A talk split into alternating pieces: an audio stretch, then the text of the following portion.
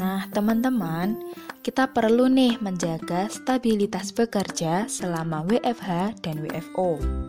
Lalu, gimana sih caranya untuk menjaga stabilitas bekerja? Caranya dapat dilakukan dengan dua cara nih. Yang pertama, menerapkan stabilitas berdasarkan karakteristik individu dan yang kedua, work-life balance atau disingkat WLB.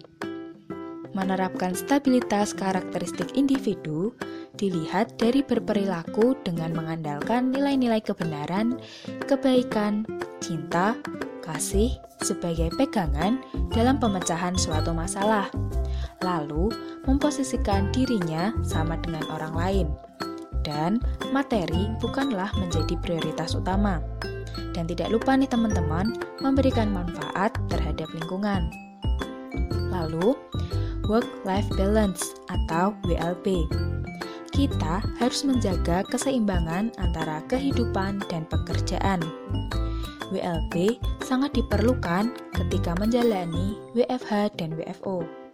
Kenapa sih WLB ini sangat diperlukan?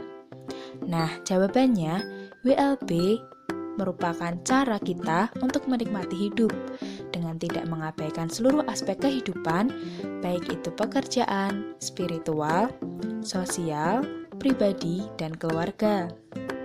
Hmm, tunggu dulu deh. Mungkin dari beberapa teman-teman ada yang merasa lelah atau nggak bersemangat dalam menjalani WFH dan WFO. Tapi teman-teman nggak usah khawatir. Sekarang ada tips nih untuk teman-teman supaya nggak lelah saat menjalani WFH ataupun WFO. Apa aja sih tipsnya? Yang pertama, teman-teman harus memiliki kesadaran terlebih dahulu bahwa melakukan WFH itu untuk kepentingan diri sendiri dan orang banyak. Dua, tetap memiliki jeda. Jadi maksudnya, apabila teman-teman ingin makan, maka carilah tempat makan dengan suasana yang berbeda. Sehingga fokus teman-teman tidak memikirkan pekerjaan saja. Tiga, memanfaatkan waktu dengan baik dan meluangkan waktu bersama keluarga.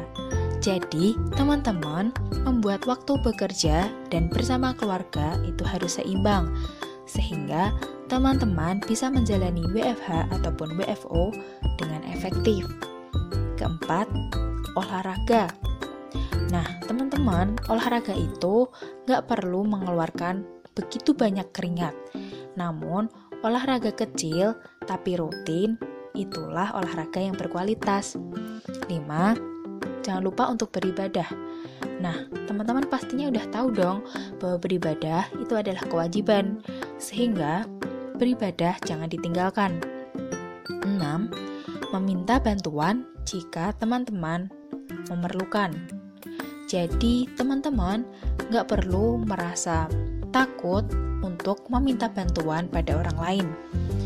7 menyadari bahwa kita tidak sendirian dalam melakukan WFO ataupun WFH. Sehingga teman-teman gak perlu merasa tertekan, karena orang lain pun juga merasakan WFO dan WFH.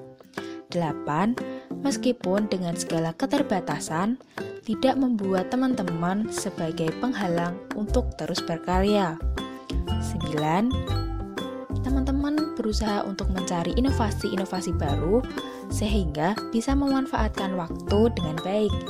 Dan yang terakhir, mengasah skill dan mengembangkan bakat dan minat yang dimiliki. Jadi, banyaknya waktu luang di WFH dapat menumbuhkan skill yang teman-teman punya. Jadi, teman-teman bisa tuh sekalian mengasah skill teman-teman yang belum terasa. Nah, itu tadi adalah 10 tips untuk menjalani WFH dan WFO supaya teman-teman enggak lelah. Nah, semoga tipsnya bisa kalian terapkan ya.